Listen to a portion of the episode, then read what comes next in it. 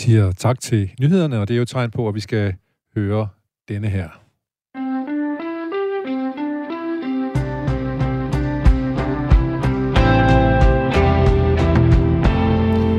Den er herlige Radio 4 jingle, der er en bro, som kan føres fra radio, øh, radiovisen, eller det hedder det jo ikke, det hedder timenyhederne, over til det næste program, som hedder Dagen i dag. Mit navn er Jens Folmer Jebsen, og Dagen i dag er jo det program, hvor øh, vi laver en top 10 over øh, tankevækkende aktuelle nyheder. Og øh, det skal vi i gang med lige om lidt, men vi har jo også vores egen lille kending, ligesom Radio 4 har. Den er sådan her.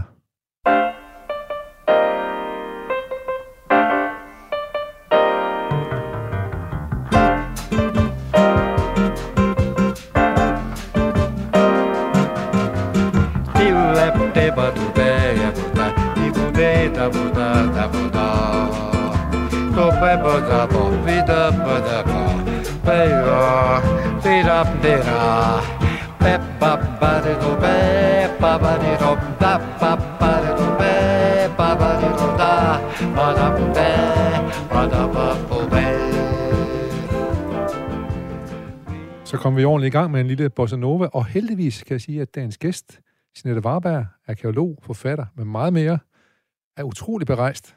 Har du været i Brasilien? Nej, det er simpelthen Der på min liste over ting, jeg skal se. Ja, og hvorfor det? Er det på grund af bossaen? Nej, jeg tror bare, det er øh, landets historie. Nu er jeg jo arkeolog, så det Ja. er mere det, der trækker så den vilde natur, og måske også den der smeltedil af så mange kulturer, øh, der kunne være interessant Ja. at, at besøge. Det er jo et kæmpe land. Det tager jo timer og atter timer at flyve hen over det. Jo. Ja. Så ja. Men sådan en tur over Amazonas skulle du godt tænke dig, for eksempel. Eller? Det kunne jeg rigtig godt. Måske ville jeg starte fra Peru-siden af, Ja. og så den vej ind igennem. Ja. Det var faktisk lidt under planlægningen, men så kom der jo det her corona, så kunne Ja. jeg jo ikke rigtig tage den vej over. Nej. Og så må vi lige sige simpelthen lidt trist ting at starte med, men spørgsmålet er, om der er, det er der selvfølgelig, men hvor meget vild natur der er tilbage. Der bliver mindre og mindre af det hele tiden. Jeg tror, det er 200.000 hektar, de fælder hver dag af regnskov. Det er, det er voldsomt, som øh, man går til den derovre. Og, man, og jeg er jo bange for, at man rammer det, man populært kalder et tipping point. Altså, hvor, Ja. hvor øh, regnskoven kollapser og kan ikke bære sig selv, og så har vi, det ved jeg ikke, hvad landbrugsland og, og kvæg, altså... Ja. Og det kan jo ikke rigtig give balance i vores øh, CO2. Nej. Men argumentet fra den brasilianske øh, regering er jo egentlig, at vi har jo gjort det for mange tusind år siden. Så hvorfor skal det gå ud over dem, at, at vi øh, smadrer vores land, og så at de ikke må? Altså, da, det er jo på en eller anden måde lidt øh, altså, fattigt at sidde herover og have en holdning til, hvad mennesker Ja, men så må, har man i jo, så må man jo kompensere dem, kan man så sige, fordi det er vigtigt for os alle sammen. Vi har nogle lunger, trods alt, kan man sige. Og Ja. jeg synes det egentlig, at det er fair nok, hvis vi betaler for, at vi kan trække vejret på en eller anden måde. Ja, og så lad os håbe, det, øh, det ender i de rigtige lo- lommer. Det er jo lidt det der Det er problem. lidt det, jeg tror, ham, der er der lige nu, han er sådan lidt en festlig fætter, Bolsaro, Bolsaro han, ikke, som, øh, jeg tror nok, at han, hvis han ser nogle penge, der kommer hans vej, så skal de nok ryge ned i lommen. Han har nok sine helt egen procenter for, hvordan det skal fordeles. Det tror jeg roligt, du kan regne med. Øh, nu sagde du, at du er meget berejst, øh, og har, du har blandt også her, du har været ude sejle også her i... Øh, Ja, jeg, Ja. Har, jeg har simpelthen sejlet over Nordatlanten. det er vildt. Det er vildt. Og du siger, du sejler, så det er sejlbåd. Det, det er et sejlskib. Okay. Hvordan, Så Var du så øh, muskuløs bagefter, og brun og træt? Altså ikke bro, altså broen i ansigtet, men Ja. ja. jeg har jo ligesom haft fire lag uld på, og så Gore-Tex ud over. Ja, så lidt cykelrytterfarvet. Ja, øhm, og fået, helt klart fået flere muskler, fordi sådan en båd ligger jo ikke stille, så du skal holde dig fast. Bare det at komme i køjen. Ja. Jeg havde landkort og blå mærker på min lår. Men det var en oplevelse, kan jeg, jeg, jeg høre på det, som øh, du, du tog, tog imod med stor, stort godt humør. Ja, det er jo det, når man kan få lov til at komme ud og rejse og opleve verden, også Ja. ja. nogle gange på nogle lidt alternative måder, så, Ja. ja. så mærker man, at man lever. Når man tager sådan en sejlbåd på den rute der, hvad lever man til undervejs? Fanger man så rent faktisk friske fisk undervejs, og så spiser man dem, eller har du dåse med med hjemmefra? Det lykkedes os overhovedet ikke at fange fisk. Nej. En, en enkelt makrel eller sådan noget. Ja. Det var, hvad det blev til. Nej, man har med. Altså, men vi ligger også i havn. Der er jo stop, stepping stones hele vejen over Klar nok, klar nok, ja. Vi skal tale om nogle af de lande, i, og som du måske også kom forbi på øh, den her vej her. Og så skal vi også lige tale om, måske du nævnte lige selv corona, det kunne egentlig godt det tænke mig at nævne, fordi jeg har haft besøg af dig for et godt stykke tid siden, hvor du skulle have din, du har øh, absolut medvirket til, at stå for en stor vikingudstilling på Nationalmuseet. Ja. Og den gik du bare og ventede og ventede. Den var klar, og du ventede og ventede på, hvornår den kunne få lov til at åbne. Men på grund af Ja. corona, så blev det udskudt og udskudt og udskudt. Ja. Hvornår åbnede den, og hvordan var det at åbne den endelig? Vi åbnede i, øh, i slutningen af juni for publikum den 26. juni, og for, for dronningen den 25. juni, sådan som jeg husker det. Ja. Og en kæmpe forløsning. Ja. Det var en festdag uden lige, og korsfor var jeg træt bagefter. Ja. Og det er det ikke sådan, at når man har lavet noget færdigt for så lang tid siden, så er det sådan lidt fadet, når det så endelig sker. Det var, det var en stor forløsning. Jo, ah, men det var ikke helt, fordi at, at, at der er selvfølgelig noget forberedelse, man kan gøre, og så lige pludselig fik vi tilladelse til at gå i rummet alligevel. Det var Ja. under nødberedskab. Og så, så, så øhm, det var sådan, der var nogle pauser undervejs, men selve arbejdet med at bygge det op i rum, det var lige op til. Det var op til det, altså. Ja. Okay. Så, men du har i hvert fald lavet en, en rigtig god forberedelse, kan jeg huske. Du var rimelig klar sidst, vi snakkede. Nu, nu må det godt snart være, og så går der alligevel de der. Præcis. Men så har du brugt tiden fornuftigt. ja. Kan man sige, blandt andet på at skrive en, en, en meget, meget flot bog, det her Urtid. Ja, og det er jo, altså det er jo måske at sige, at, at jeg har skrevet for bunden, det har jeg jo i virkeligheden ikke, fordi det er jo egentlig, jeg udgav sammen med historiker Kurt Villas øh, Jensen øh, første bind til historien om Danmark, da det er lanceret den store historie øh. Og i den forbindelse, øh, så øh, skrev jeg den ene halvdel, der handlede om oldtiden. Og øh, så spurgte øh, forlaget mig, om jeg havde lyst til at gå manuskriptet igennem igen og opdatere det, og så udgive det som et selvstændigt, altså som et selvstændigt værk. Ja. Og det vil jeg gerne. Så øh, den, er, den bygger egentlig på det, og så har jeg så opdateret, det er jo så dejligt med arkeologi, jeg arbejder med. Der er hele tiden nye ting, der kommer til, nye erkendelser, nye forskningsresultater. Ja. Og det har jeg opdateret med Jeg vil undervejs. gerne øh, høre om noget på et tidspunkt, hvordan man øh, kan feste lid til de nye ting, man, op, øh, man opfinder, eller øh, hvad hedder det, finder. Ja. Øh, men den handler i grove træk om stenalder, bronzealder, jernalder og vikingetid. Ja. Og stenalderen, det er den, der fylder langt, langt, langt, langt, langt mest. Ja. Øh, og så noget af det, jeg tænkte over, der sad og læste øh, i den, det var, at det er jo ikke en, du, du har ikke skrevet den her bog med en brevvægt. Nej. Det, det er jo det, det, det, det, er det store svung, der er gang i. Og det bliver man næsten nødt til, hvis man skal samle så mange, fordi jeg tager jo, altså selvom det er en fin bog og så videre, og den er der også nogle sider og flotte billeder, det er 100.000 år, vi skal igennem. Ja. Og i 95 procents tid, af den tid, der har vi jo sådan set været øh, jæger og samlere Ja. og levet stenalderen. Så det er jo derfor, det fylder rigtig meget. Og det er de store tendenser, jeg trækker frem, og det er min fortælling om det i virkeligheden. Ja, og, og det, det kan jeg selvfølgelig lige, lige øh, orientere lytteren om, at det er jo dig selv, der er på forsiden af bogen, og det indikerer ligesom om, at, at der er personlig præg på den måde, du har ser historien, i, øh, som du har fortalt i den her øh, bog. Og det, det er sådan faktisk en lille smule grænseoverskridende, når man er vant til at skrive fagbøger, at man så selv skal på forsiden i virkeligheden. Men øhm, samtidig med, så havde jeg også en overvejelse over, at det her, det er min fortælling. Og man skal forestille sig, at det er lidt ligesom, at man går igennem et museums haller sammen med mig, og jeg fortæller dig lige præcis det, som jeg optager mig, som jeg synes, der er vigtigt Ja. at fortælle om vores fortid. Så her er stenalderen og så videre. Og du fortæller også om, hvornår, hvordan mennesket, øh, det, øh, det har udviklet sig. Ja. Det må hedde evolution, den menneskelige evolution eller et eller andet. Øh, indtil vi rejste os op, og så begynder vi også at tænke. Prøv lige ganske kort lige at, at fortælle om de der 3-4 stadier, der er ind til, fra, forbi Cromagnon og så videre, og så op til det tænkte menneske. Jamen, der er jo det her, øh, hvor, hvor man ser en masse menneskearter, der lever mere, måske mere eller mindre samtidig, og så er, er det med at finde ud af, hvad for nogen, der ligner os mest. Og der sker jo noget, altså man har sådan nogle, nogle aber, der rejser sig op og går på to ben, og det er i virkeligheden der, at vi i Afrika, hvor vi ser første kim. Ja, og Afrika er ligesom åstedet for udvikling. Ja, det er det. Det er stadigvæk der, hvor, hvor de ældste fossiler er. Og så øh, det virkelig store spring kommer med Homo erectus, eller i Afrika kalder, kalder, Afrika kalder man den også agaster. Og det er, hvor, hvor man kan se, at øh, pelsen øh, forsvinder, og man begynder at kunne svede over hele kroppen, og kunne være langdistance jæger og løbere. Og det er også dem, der begynder at, at kontrollere ilden i virkeligheden.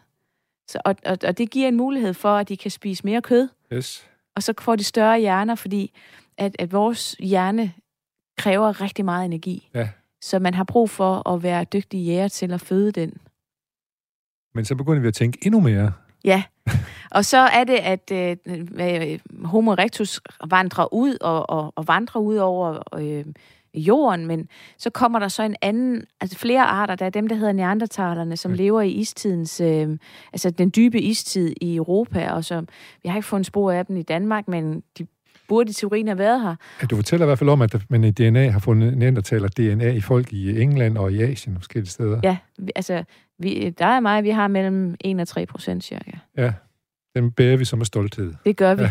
Og så er der så uh, homo sapiens, det er os, og det er Ja. jo det, som jeg siger, det er den mest destruktive og innovative kraft, dyreriget har frem, frembragt ja. overhovedet. Så det, innovation hænger også sammen med destruktion. Ja, fordi det er på bekostning af andre. Andre, ja.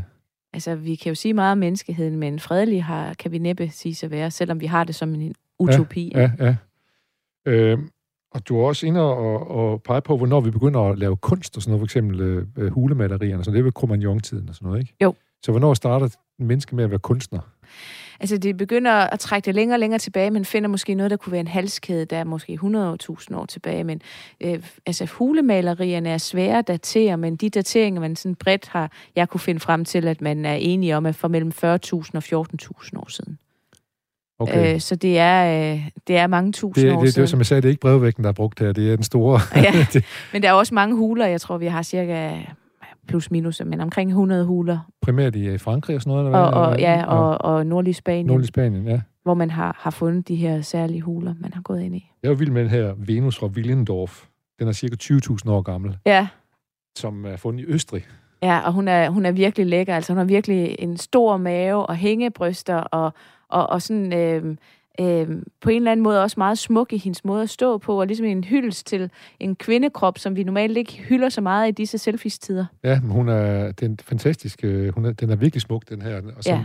den, den er 11 cm høj, så det, jeg kan godt tænke mig at komme ned og se den i Østrig på et tidspunkt. Det kunne jeg også. Jeg har den både en, der har været rigtig sød, øh, der hedder Ida, der har hæklet den til mig, og så har jeg den også stående som bronzestatue på mit kontor, så jeg Okay. både har den som hæklet og statue. Så du, du kender hende næsten, kan man sige. Ja, men jeg har ikke set hende live, så det er også Nej. på min øh, Det top også din, 10-liste. Men det er jo nogle fantastiske billeder, der er, ikke? Altså, øh, jeg kan se, du har nu, også blandt andet har nogle ting ud fra Moskov, øh, Ja. det nye Moskov Museum og sådan noget Ja. der, ikke? Det er jo, altså, de, de, de ligner jo øh, nogen, som kunne gå ned op på Nordgårdsskolen, eller i Gammelgårdsskolen, der behøver dem her, vil jeg sige, ikke? Jo, og der er bogen jo også hjulpet af, at vi har nogle meget innovative museer rundt omkring. Både Lola, som du holdt op her, ja. som er blevet rekonstrueret af øh, museet på Lolland, ikke? der har den her øh, øh, udstilling om, omkring det her tykkegummi, hvor man har fundet DNA i, så man kan rekonstruere, hvordan en kvinde har set ud. Så det er en af de måder, hvorpå man kan få nye oplysninger. Præcis, Ja. og, og der er der så rigtig mange museer rundt omkring, der får de lavet de her rekonstruktioner. Og det giver mig jo et rigtig godt billedmateriale Ja. at skrive ud fra. En af de ting, du har fat i, det er jo, øh, det er jo, det er jo kvinder, Venus og Lola, hvad hvad de nu hedder, de her kvinder, vi lige har nævnt nu her. De spiller en noget større rolle, end man egentlig har tænkt tidligere, eller har vidst tidligere. Blandt andet på hulemalerierne har man fundet håndaftryk. Ja. Det er nogle amerikanske forskere, der har fundet ud af, at det er kvindehåndtryk. Ja, altså der har været diskussioner, men man har godt vidst, de der håndtryk, det skal, du skal forestille dig, det er et håndtryk, man sætter op på en mur, og så fylder man munden med farvestof, og bruger munden som sådan en, Ja. ja. en spraydåse, og efterlader et, et, et aftryk. Og der har man før prøvet at analysere, og der er også nogen, der mener i forhold til håndflader og tommelfinger, at det kunne være teenage-drenge. Men så er der altså et amerikansk forskerhold, der får kontakt til en læge i Manchester, der er specialist inden for hænder, som har samlet en kæmpe database over hænder. Så nu er det ikke længere sådan en, en, øh, en, en, en metode, hvor man prøver at læse med øjnene. Nu bruger man simpelthen en algoritme til at regne. Og der kan man sige, at der er 34 hænder, man har fundet forskellige steder, som, man, som kan bruges, som har nøjagtige mål. Og ud af de 34 hænder, der var 75 procent kvindehænder. Så, så formodentlig er 75 procent af de kunstnere, som har øh, lavet det, det fantastiske vægmalerier ja. Der i hulemalerier, det, er- det er formodentlig kvinder. Det er i hvert fald den, den øh, antagelse, den, man har med den nyeste forskning nu.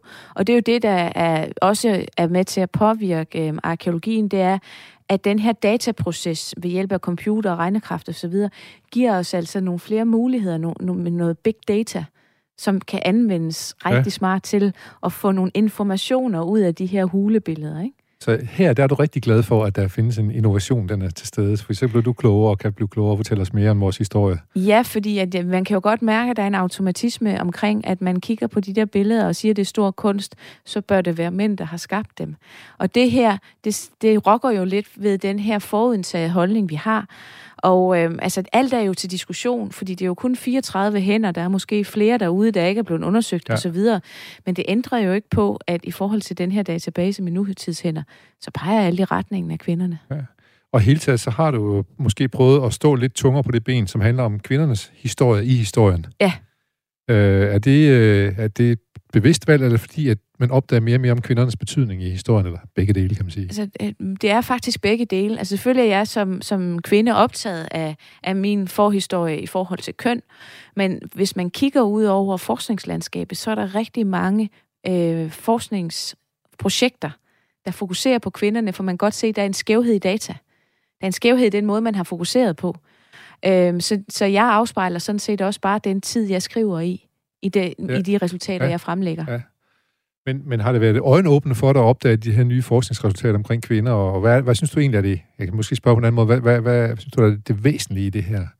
Jeg synes, det væsentlige i det er, at når man begynder at, at aktivt at kigge efter det, og finder nogle metoder, så, er det jo, så finder man faktisk nogle overraskende resultater. Og det påminder mig om, at man aldrig, når man går ind og skal analysere forhistorien, du må aldrig tage tage din, altså, du, du, må prøve, du skal prøve at være så objektiv som muligt. Du må aldrig tage din egen fordomme med ind. Og så kan man jo omvendt, som du kan sige til mig, om jeg så trækker kvinderne ind i, det gør jeg måske nok, men så, øh, så, så er det det, der optager mig. Øh, og så øh, kan man jo læse bogen eller lade være. Nå ja, Jamen, det er vel også, øh, du fortæller vel også historien om, at der er kvinder faktisk spiller en større rolle, man har regnet med, fordi de også er fordi det er også et faktum, jo, det man, man har fundet ud af, så, så ja. det er også vigtigt at, at fortælle videre, kan man sige. Ja, det synes jeg, og ja. der er nogle historier. I Sverige for eksempel, der er der en rigtig dygtig forsker, der hedder Elisabeth Bosang, der har arbejdet med det her mange, mange år. Så Sverige er meget længere fremme end Danmark, hvad ja. det her angår. Så jeg prøver også lige at, at samle lidt op på det du forsøger at indhente Sverige lidt, så Danmark ikke hænger, hænger bagefter. Sådan, sådan er det jo tit. Det, ja, det må man, det må man sige. Sverige, de skulle tit frem uh, bil. Jeg skal høre her til allersidst omkring din bog her. Det har også været, det var i hvert fald øjenåbende for mig, at, at, at, at tænke på med den der lethed, du bare præsenterer istid. Jamen, den kommer jo igen. Det, det, det, det er vi ikke i tvivl om. Om, om 10.000 år er den igen. Der går mellem 30 år, hvad er det, 30 år, 20.000, 30.000 år, så kommer der en ny istid. Så ja. vil det altid være. Ja. Og, og øh, som ser ud nu, så er det nok cirka 10.000, der kommer en ny. Det er virkelig en stor tidsregning, vi er gang i. Så, så hvad betyder sådan noget som øh, øh, hvad hedder det, øh, klima, klimakrise og alt muligt andet? Hvad betyder det, det her store regnskab? Jo, altså jeg synes jo, altså netop klimakrisen, der er min største bekymring er i virkeligheden i forhold til istiden derude, som vi ikke forstår, og som vi kan se tilbage de sidste 3 millioner år, så er den altså kommet tilbage.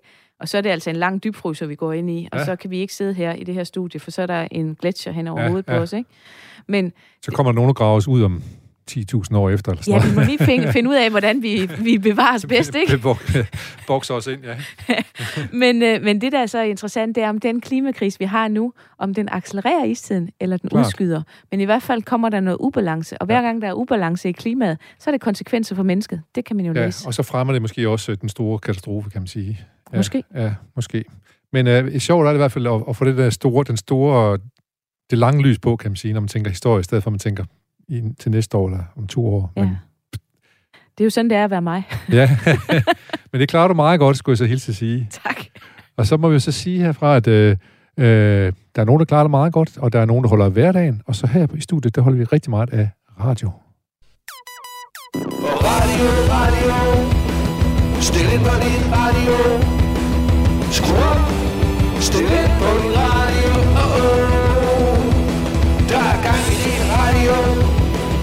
Skru op for din radio. Stille. Skru op for din radio.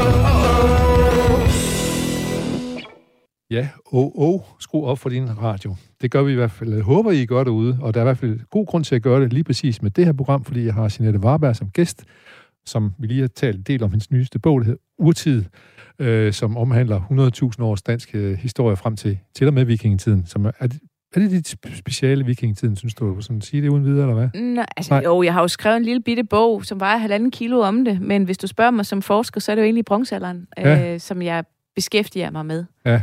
Og så, men så, så er det ligesom, når jeg, jeg er også en museumsmenneske og et formidlingsmenneske, og så skal man jo kunne alt til husbehov. Yes. Men hvis du skulle stille op i kvitt eller dobbelt, så vil du vælge bronzealderen? Det vil jeg tro. Ja. Så vi skal i gang med dine top 10 over nyheder som tankevækkende nyheder, du har valgt mm. på en 10. Mhm. plads. Det, det handler om en kvinde, der hedder Lara Denise, og øh, hun fortæller, at sugar dating er blevet normalt blandt unge. Men, øh, det, men bytter jo samvær intimitet med mænd og, øh, og sex øh, og, og får gaver til gengæld. Hvad synes du om det? Altså jeg, synes, altså, jeg har jo fulgt det her fænomen længe, og, og øh, personligt vil det aldrig være noget, jeg kunne finde på at gøre, men, men det ser jo ud til, at man, man gør det, men, men jeg tænker bare, at der er en hård, fin grænse til prostitution. Altså, hvis du får en Louis Vuitton-taske, i stedet for redde penge, så er det jo stadigvæk en byttehandel, der foregår. Ja.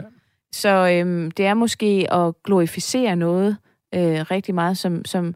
Altså, jeg kan ikke lade være med at være bekymret for det. Det kan godt være, at der er nogen, der siger, at de kan sagtens være i det, og hvis det er det, det milde tilfælde, så er det måske okay. Men, uh... Ja, fordi hvis uh, du møder en, en, en, en fyr, som er inviteret ud at spise, og så går hjem sammen bagefter, så, så er vi jo ikke i en boldgade der, kan man sige.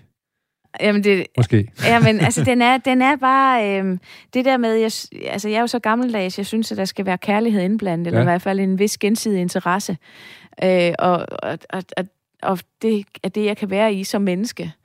Her kan jeg også godt mærke, at, at der sikkert er nogen, der mener, at jeg er en gammel mor. Men øh, sådan, altså, jeg har bare, jeg har bare svært ved at se skillelinjen imellem, at øh, om det er penge eller ja. om det er gaver. Det er vel i bund og grund en betaling for en ydelse. Ja, det er jo rendykket kapitalisme. Man bytter en vare med en anden vare. Ja.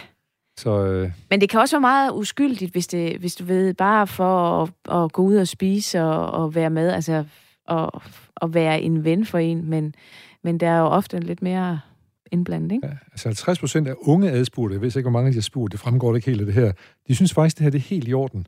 Øh, og øh, Lara Denise, som jeg omtalte hun har sugardatet gennem 10 år, og hun har oplevet, at det bliver mere og mere acceptabelt. Så øh, måske er det en udvikling, som vi ikke bryder os om, som er på vej her. Ja, det er også det. Altså, det er jo nok fordi, at øh, det er en anden generation i virkeligheden, ja. som, som også øh, som er vokset op med, med sociale medier, måske et andet, øh, andet forum og mm. mere acceptabelt. Det skal jeg ikke kunne sige. Nå, men lad bare mig som en ældre surmand sige, det her det er sgu ikke i orden.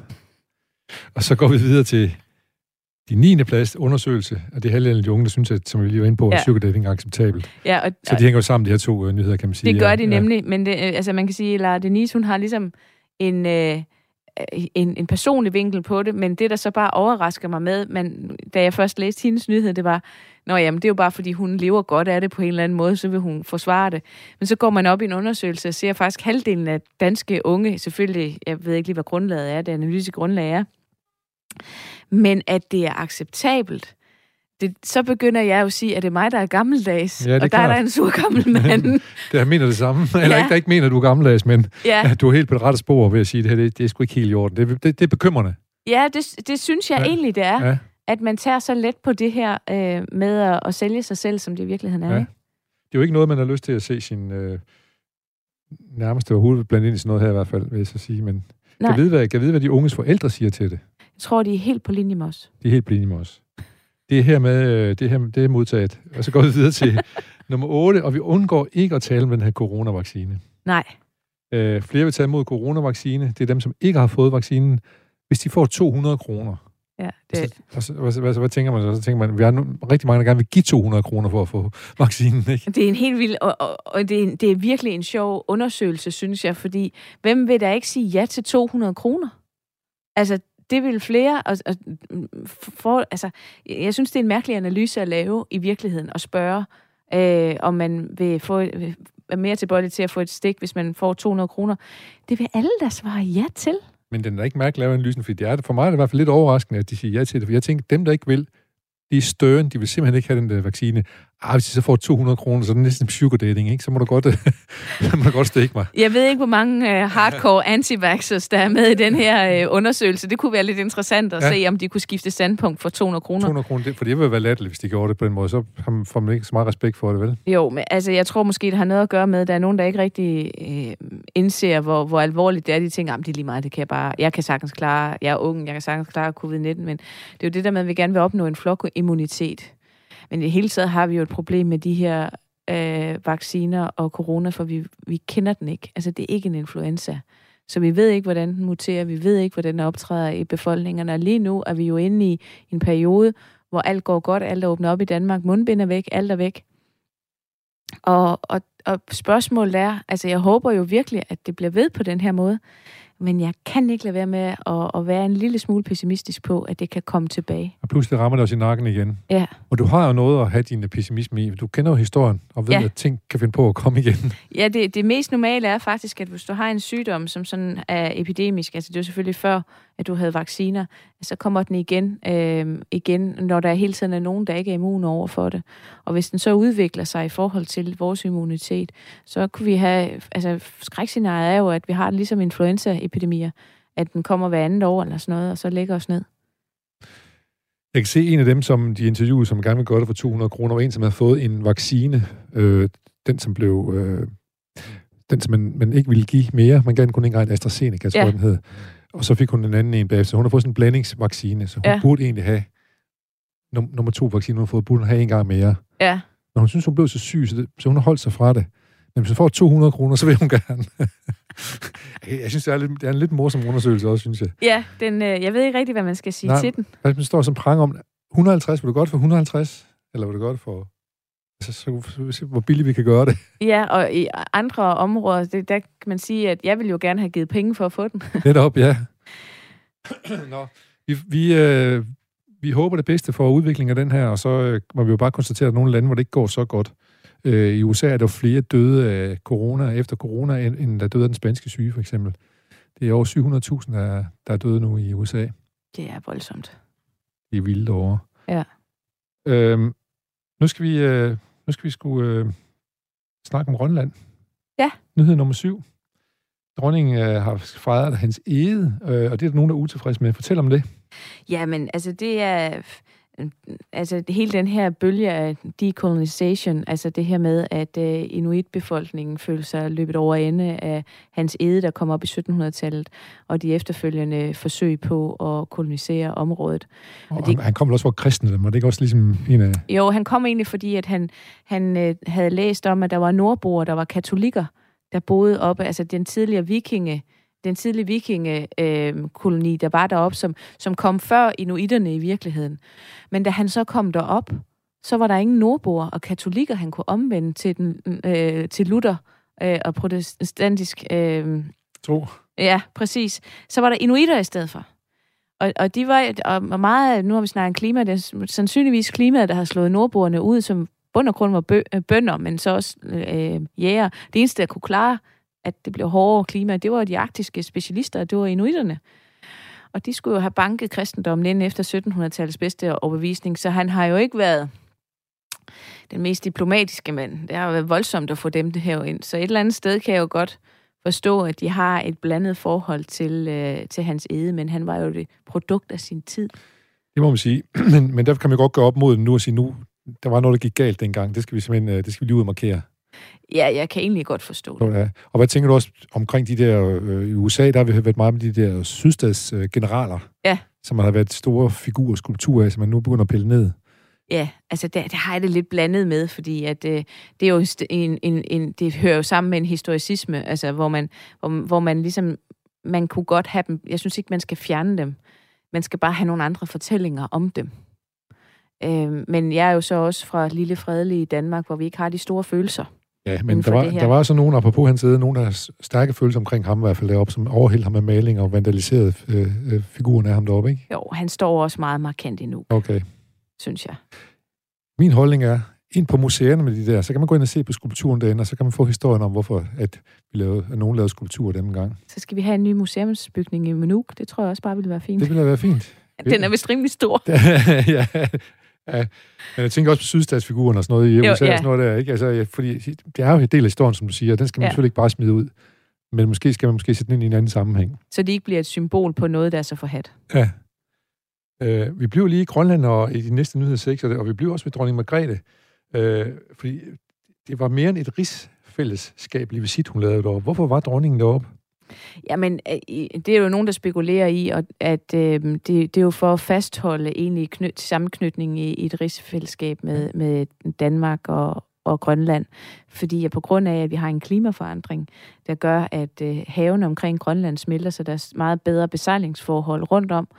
Øh, det gør det meget, meget interessant storpolitisk. Ja. Øh, så det er også for ligesom øh, tror jeg, at øh, den, den tilknytning, dronningen har til det, er med måske til at, og ligesom minde folk... Knyt tættere til Danmark. Ja, lige minde om, hvad, at det jo Grønland, at Grønland og Danmark hører sammen, ja. øh, og måske ikke så meget Kina og Amerika. Nej, og Donald Trump, han skal ikke komme her og købe Grønland i hvert fald. Jeg tænker, det er lidt sådan, det er, men er det ikke altid det med de her øh, visitter? visitter. Ja, de, har, de har en politisk dimension også, ja. Ellers så bliver, ja. kan man da i hvert fald som journalist læse det ind i.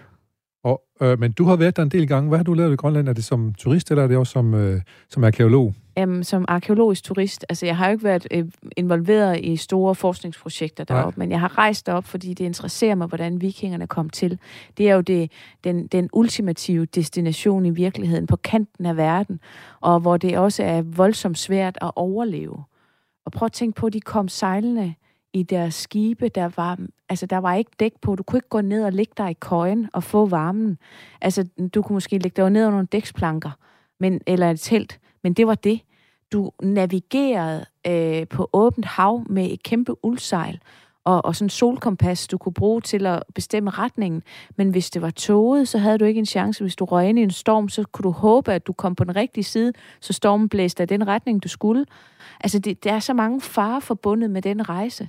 Og alligevel lykkes det dem at lave både en koloni eller en, en, en område, der hedder Østerbyg nede i Sydgrønland, øh, i fjordene, der er dernede, og så i fjordene bag ved Nuuk, altså Amreliken og, og Godthåbsfjorden, der har de slået sig ned, og senere også rejst langt op nordpå. Ikke? Og det er også en strategisk hvad skal man sige, bosættelse, fordi de derfra kunne nå andre steder hen, hvor de gerne vil hen? Eller Nej, jeg tror, de var simpelthen... Altså, de opdager jo så øh, Canada derfra, og, og kommer til Newfoundland, hvor man har fundet, ved Longsaw Meadows, har fundet deres gårde, der har ligget der også. Og de har været andre steder, vi ved bare ikke hvor. Øh, men det har været først og fremmest, at det er jo nogen, der gerne vil have nyt land, hvor de selv kan være herre over det land. Og så har de været øh, jæger, og de, de jagede valrostænder.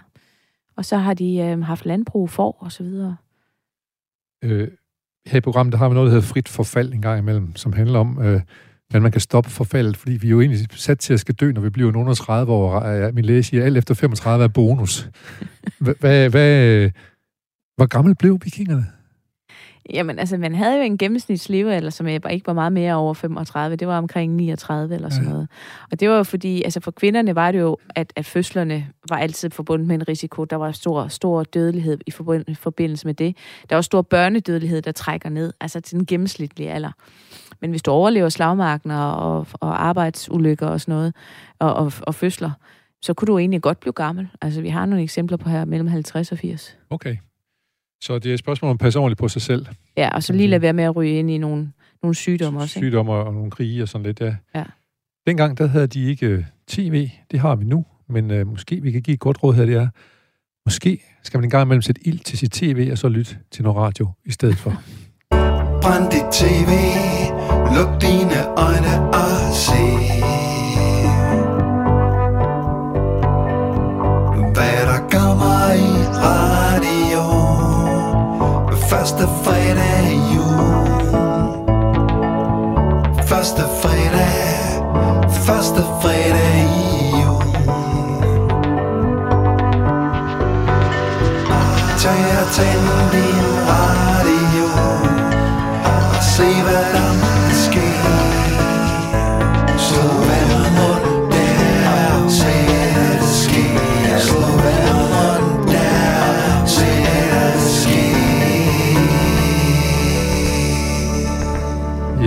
sluk dit tv, brændte dit tv, og så prøv at se, hvad der sker, hvis du lytter på radioen i stedet for.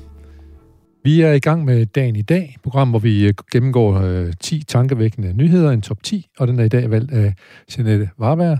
Det er vi rigtig glade for, og vi, det går rigtig godt. Vi er kommet frem til femtepladsen nu. Ja, det er ja. det. Øh, og, øh, man kan sige, at den nyhed, du har valgt her, den er måske lidt den er tankevækkende på en lidt trist måde, kan man sige.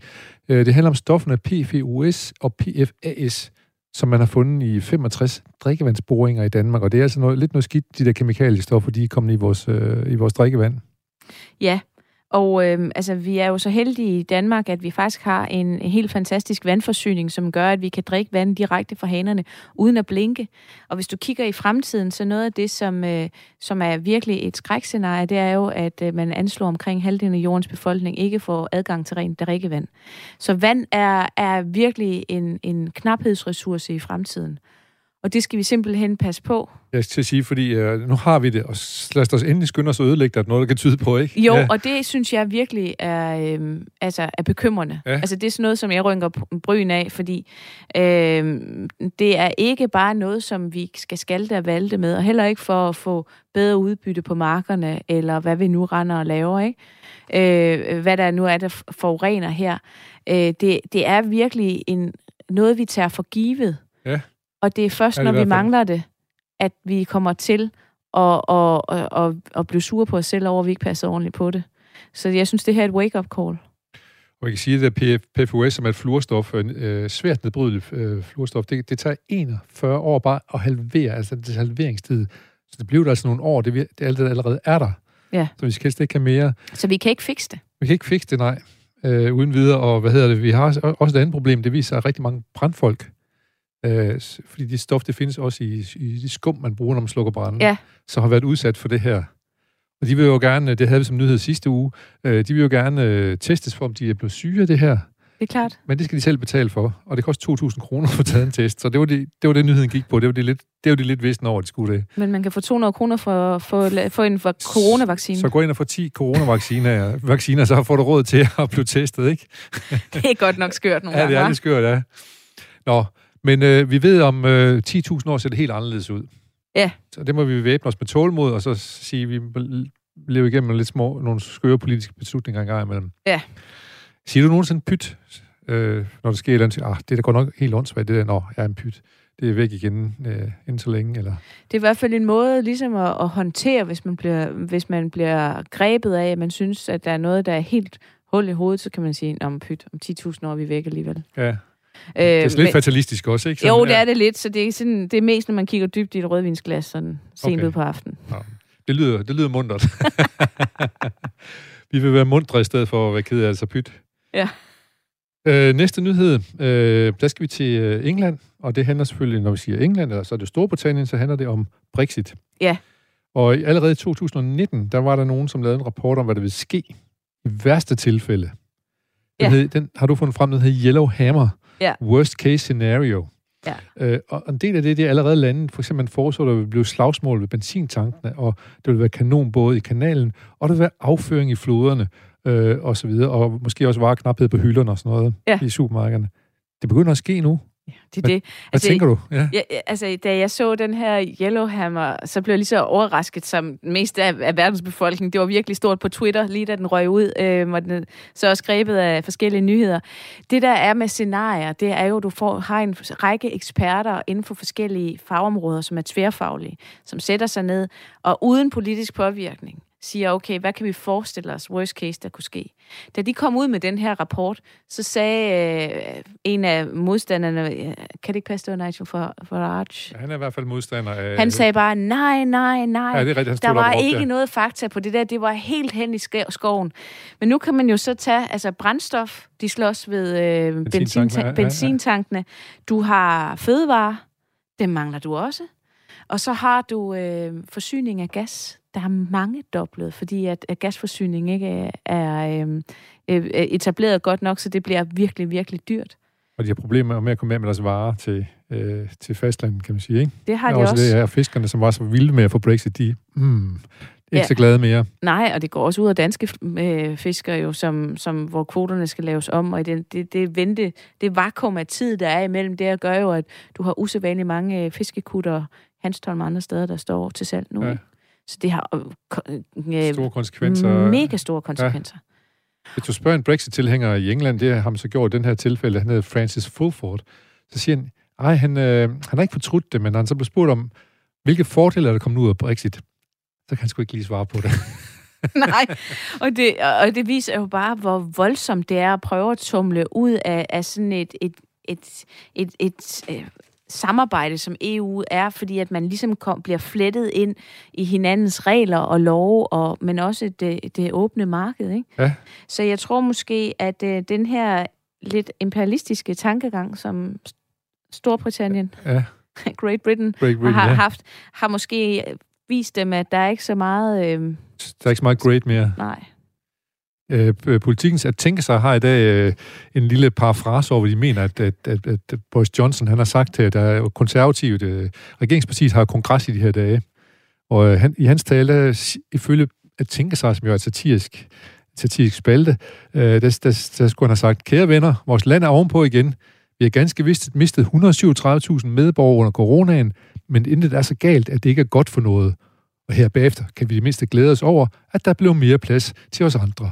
Og så videre, og så videre. Så kører det ned igen, hvor det laver satire over, Ja. hvor galt det egentlig er gået. Men at Boris Johnson, han, den evige optimist, Han har jo ikke, altså han bliver nødt til at gå planken ud på det her jo. ja, Han har lagt hoved, hovedet på brættet på Ja. ja. det her, og det går ikke særlig godt. Han kan jo håbe, det retter sig. man kan sige, det, der er hans fordel, det er, at, at, at Arbejderpartiet, Labour, dem går det heller ikke så godt. De fører konstant med, øh, Boris Johnson parti fører konstant med cirka 5 procentpoint over Labour, for det ikke går så godt med, med dem heller. Så Det er hans Ja. ja. eneste redning. Det er hans redning lige i øjeblikket. Det er der ingen tvivl om. Ja. Øh, lad os prøve at blive lidt i øh, politik og, og snakke om åbningsdebatten. Og der kan jeg egentlig godt lige tænke mig først at høre om, der spiller du jo også en rolle omkring åbningsdebatten her. Ja, altså ganske kort fortalt, så er det sådan, at der er en traditionsrig gudstjeneste på, på Christiansborg, før de går i gang. Ja.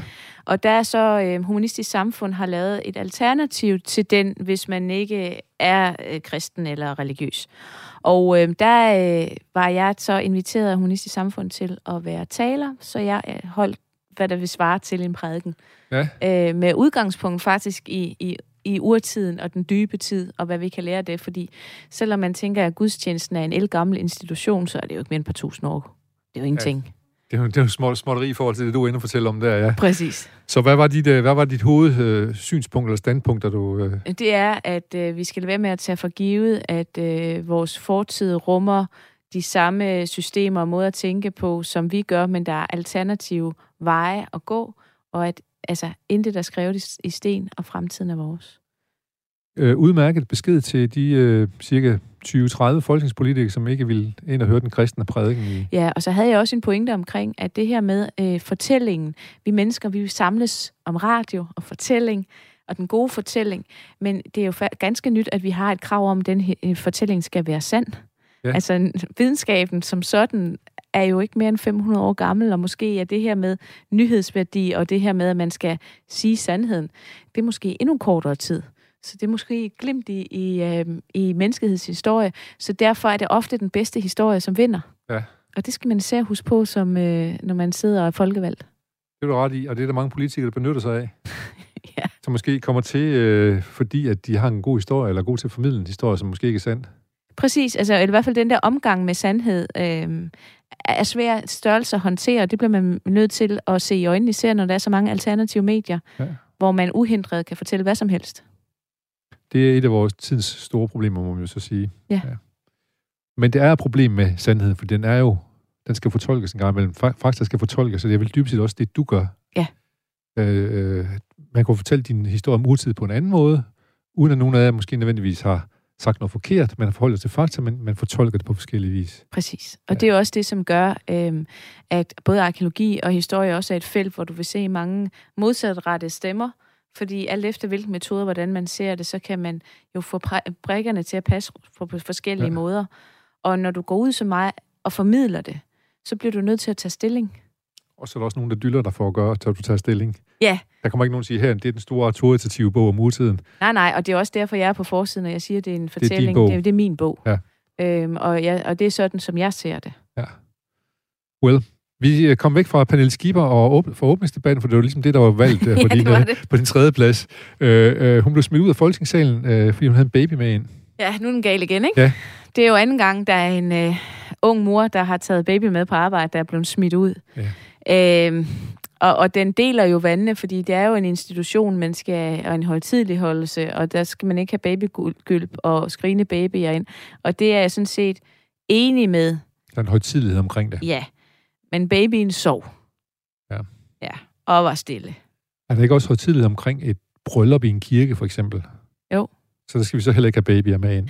Nej, og, og, og det er, øhm, og, og, og ja, der er rigtig mange, der er for og imod, og hvordan og hvorledes. Altså, jeg, jeg synes egentlig, det, det er fint nok, at hun har sin baby med hende, hvis det er stille. Jeg kan bedre forstå, hvis det er en baby, der, der larmer. Så skal man tage sin baby og gå udenfor med den, hvis det er sådan. Præcis. Kan man sige. Men det er alligevel uh, tankevækkende, at uh, det må have været en gang omkring 1970, at Tine Smedes, hun ammede sit barn i Københavns Borgerforening, tror jeg, det hed dengang, altså i, i kommunalrådet der, og var bare ballade. Det, det gav simpelthen så meget ballade. Ja. Jeg skulle tro, vi var, vi var kommet videre på en eller anden måde, fundet nogle måder at, at leve med det på, eller øh, i senest øh, børn og, og, og deres møder med forskellige steder. Ja. Ja, og det er stadigvæk noget, som der bliver diskuteret frem og tilbage, at man ikke tager børn med ind. Men her har vi jo at gøre med en, et meget lille barn, der er afhængig af deres mor, som Ja, egentlig har en ja. vigtig stemme i, i, i Folketinget. Skal hun så lade være med at sidde der? Fordi at hun har et lille barn, skal det gøre, at hun skal fjernes helt fra den offentlige debat? Det synes jeg heller ikke. Og så længe barnet sover, og hun ligesom er ved det, det, det, det har jeg ikke nogen problemer med. Jeg kan godt forstå, hvis det er sådan en virkelig hylebaby. ja. Det er der ingen, der gider at høre på. Vi uh, giver Sk- Skipper lov til at have sit barn med, hvis barnet lige elsker op og lærer at, være lidt tyster. Præcis. Yes. Og øh, med, alt, øh, mens det sker, så vi andre, så kan vi jo så juble over, at vi er godt og vel i live, i modsætning til alle dine vikinger og alle mulige andre, som optræder i Woodson. Her kommer et nummer, der hedder Hey Man, Now You're Really Living med Eels. Do you know what it's like to fall on the floor? Cry your guts out till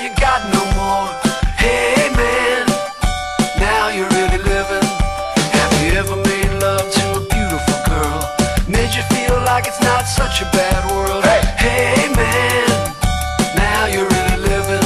Now you're really giving everything. And you're really getting all you gave. Now you're really living what this life is all about. Well, I just saw the sunrise over the hill. Never used to give me much of a thrill. Hey,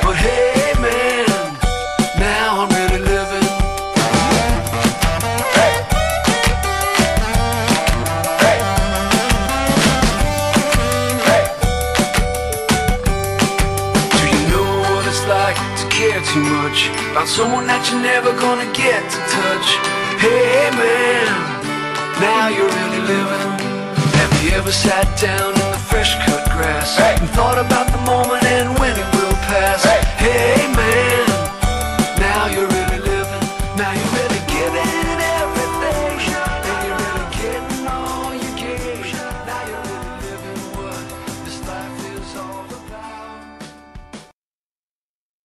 have skruet lidt ned for Eels og Hey Man, Now You're Really Living. Vi har lige brug for, jeg har lige brug for at, at få, øh, at lige få sådan en lille los bag i. Jeg fandt den her sang i morges, og tænkte, det sgu en lang siden, jeg hørte den. Så tænkte, det var egentlig en meget dejlig optimistisk titel, den havde. Det er det i hvert fald. Ja. Øh, og øh, vi skal lære sit pris på den øh, tid, vi har, hvor vi er levende. Fordi snart er vi selv historie. Ja.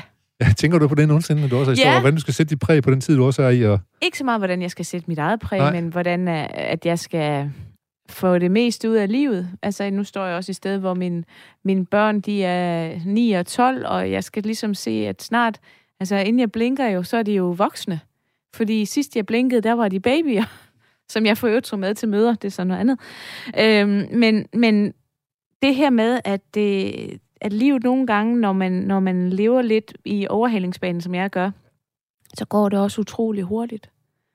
Og det der med lige at, og i stedet for at lade sig rive med, og tænke, man skal nå så meget, måske lige at, at bremse. Det er i hvert fald noget af det, jeg prøver at øve mig i. Det går ikke så godt, men jeg var... altså, at sige, kan du det? Fordi øh, det er vel også dit, dit sind og dit gemyt, og at, at, ja. Ja. at du er nysgerrig, og du er om dig og sådan noget. Ja, ja.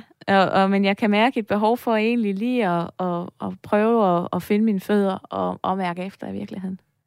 Jeg ved ikke, om det er nogen, øh, du bruger det til noget, men øh, jeg har også øh, haft meget travlt en del, hele del af mit liv, eller, fordi jeg var også øh, synes, det var skide sjovt, alle mulige ting, der skete. Ja. Men lige nu, der begynder jeg at nå et punkt, tænker jeg, hmm, halvt års, hvor vi skulle lave noget, vil det egentlig ikke være meget dejligt? Jo, det ville det nok.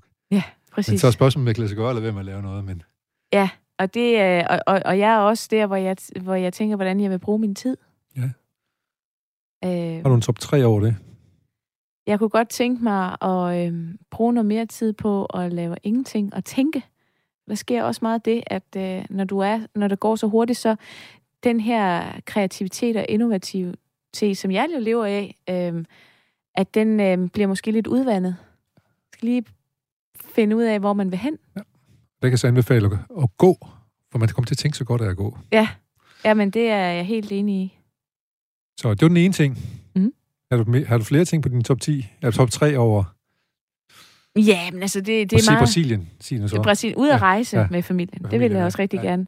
Og det har vi også planlagt, men coronaen er jo stadigvæk ja, ja. Øh, derude og spørger. Og så tænker jeg måske, at, øh, at jeg godt kunne tænke mig at være lidt mere på min egen krop Altså det der med at putte noget sundt i, og, og lige lytte efter den. For nu er jeg også ved at være, jeg er 43 og sådan noget. Jeg kan bare ikke tåle at sidde og skrive til klokken 4 om morgenen, og så gå op klokken 7. Altså der, der er bare nogle begrænsninger. Så lige finde ud af, hvordan det er at ikke at være 20 længere.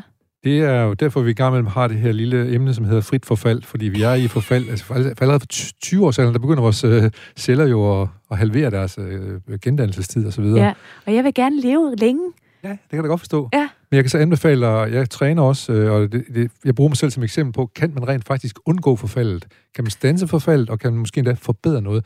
Det kan man faktisk godt.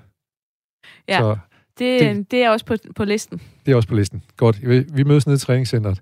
Vi har lige to nyheder tilbage, vi skal nå inden. Øh, ja. de, vi har fem minutter tilbage. Og den første, det er en horribel historie om Polen, der mener, at landet ikke er forpligtet til at følge EU-retten, på trods af, at de er med af e, medlem af EU og skrevet under på. Det gør de selvfølgelig. Ja, og det, det lugter langt væk af. Vi vil gerne gøre præcis, som vi selv vil, men I vil blive ved med at sende penge. Send ja. flere penge, tak. Ja. Og sådan fungerer et fællesskab jo ikke. Men man forpligter sig jo på at indgå efter fællesskabets regler, for ligesom også at fordele fællesskabets goder. Det er ligesom sådan, at hele EU er strikket sammen. Det, det med både forpligtelse og, og, og, og yde efter evne, han har sagt. Ja, ikke? ja, og jeg ja. siger bare, hvis, hvis de fortsætter det spor, så er det ude, lige ude på røv og albuer og ingen penge i nakken. Ja, men de er også godt på vej, jo, kan man så sige. Øh, ja. Fordi øh, en, en af grundene til det her, at, at det polske folketing, som hedder noget forfatningsdomstol har sat det her op, det er jo fordi, at Polen har fået rigtig mange henstillinger fra EU, fordi de bryder regler hele tiden, ikke? Fuldstændig. Så det, det begynder at være derhen, jeg, jeg synes i hvert fald ikke, at øh, der, der er nogen som helst grund til, at øh, de skal have del af Nej. den store pengekage. Og det paradoxale er jo egentlig, at Polen, det er jo, de er så tæt øh, øh, delt op. Der er to store blokke, og der jeg tror der er en halv procents forskel, eller en procents forskel. Og den, som har den ekstra halv procent, har regeringsmagten og kan bestemme sådan noget her. Ja, men det er, det er jo derfor, de ikke burde kunne lave om i deres ja. Øh, grundlov, som de gør. Ja, fordi lige pludselig sker noget nyt, som ved noget andet og sådan noget. Ja. ja. Uh, vi håber det bedste for Polen, som vi er blevet rigtig gode kammerater med de sidste mange år. Det er det, og ja. det, er, det, det er rigtig synd for dem, der vil Europa og, og, og bruger det her aktivt, ikke? Vi skal lige nå at have med, at øh, musikbranchen bløder. Det er egentlig din vigtigste nyhed. Ja. Og det er ikke så meget, fordi musikbranchen bløder, men fordi, at øh, kulturen, de øh, har rendt ud, de mistet over 3 milliarder kroner i 2020, som corona, det, coronavejs. Det er et voldsomt tal. Ja. Og der sker jo noget, altså kulturen har råbt op under hele nedlukningen og blevet ignoreret. Nu er der kommet et tal på bordet, man skal forholde sig til, og det var meget større, end man havde frygtet. Og det er underkøbet dansk erhverv derude at sige det her, så det er jo en anden validitet i det, der blev sagt. Ja, jamen det er det, er det jo også. Anden, hvis... Det er ikke en anden guitarist i et poporkester, der har sagt det her. Nej, det er, det er en stor analyse, men det er også, at dansk erhverv er også interesseret i, at, at kultur netop øh, bidrager, fordi det, det, det, hvis det er ren erhverv og alting, så er det jo for kedeligt. Vi bliver nødt til at have noget, der kan spejle og inspirere os. Og det er så også noget af det, som... Øh, øh, vi kan se, når vi går tilbage i historien, noget af det, vi lægger mærke til, jamen det var den kunst og kultur, der blev lavet dengang i hulemalerierne og sådan noget, som vi snakkede om i starten, ja, ikke? præcis. Så lad os endelig øh, lad os lære noget til dem, som graver os ud om 10.000 år, som de kan tage frem og kigge på og, og, og tænke over, hvad må det er for noget. Ja, vi skal ikke dømmes kulturløse af dem, der kommer efter Efter vel, nej. Så hvad vil du gerne gemme øh, til om øh, 5.000 øh, år, for eksempel, af, af kunst og kultur, som er her i øjeblikket? Du, du må vælge over hele paletten. det er svært. Det er svært. Fordi ja. det er så mangfoldigt, så det kan jeg altså ikke uh, vælge, men det bliver ikke statuen af hans æde. okay. Den er jeg med på. Men uh, det kan vel blive en guitar solo af en eller anden popgitarrist, så Ja, det, det kan jeg bedre gå med Det til. kan du bedre gå med til, ja. Ja. Og hvad står det så på nu her? Øh, Nu har du lavet den her bog, du har fået en stor vikingudstilling, og du har været ude at sejle med en sejlbåd, så hvad... øh, Ja, altså næste år, der prøver jeg faktisk at tage det lidt stille og roligt. Jeg har nogle flere bogprojekter, jeg sidder og bobler lidt med, men der er ikke rigtig noget pres. Jeg har også udgivet en børnebog her, øh, hvor jeg skal have en efterfølger til. Så øh, jeg prøver at give mig selv ro og plads og se, hvad der sker. Du kan sidde hjemme og arbejde med at, at gøre de her slags ting Ja, noget af tiden, ja. Ja. Og så er jeg i København resten af tiden. På Nationalmuseet. Nemlig. Og jeg skal sige, at vores øh, producer der er Toga. Og Toga, han er jo så øh, tak for din indsats. Han er lidt klar lidt over, at der ikke har været nogle øh, awkward pauser her. Ja. Skal vi ikke lige lave en? Lad os gøre det. Øhm, Jeanette, øh, Ja, undskyld, jeg øh, tjekker lige beskeder. øh, Undskyld. var, var, Lægger dem lige. Ja. Ja, ja var, nu vil jeg tjekke beskeder af. Vi skal sige tak for i dag, og øh, det gør vi med vores lille øh, småtopsignatur Bossa, og øh, have nogle rigtig god øh, fortsat fredag aften. Tak til Toge, tak til Jeanette, og ha' det godt. Boy,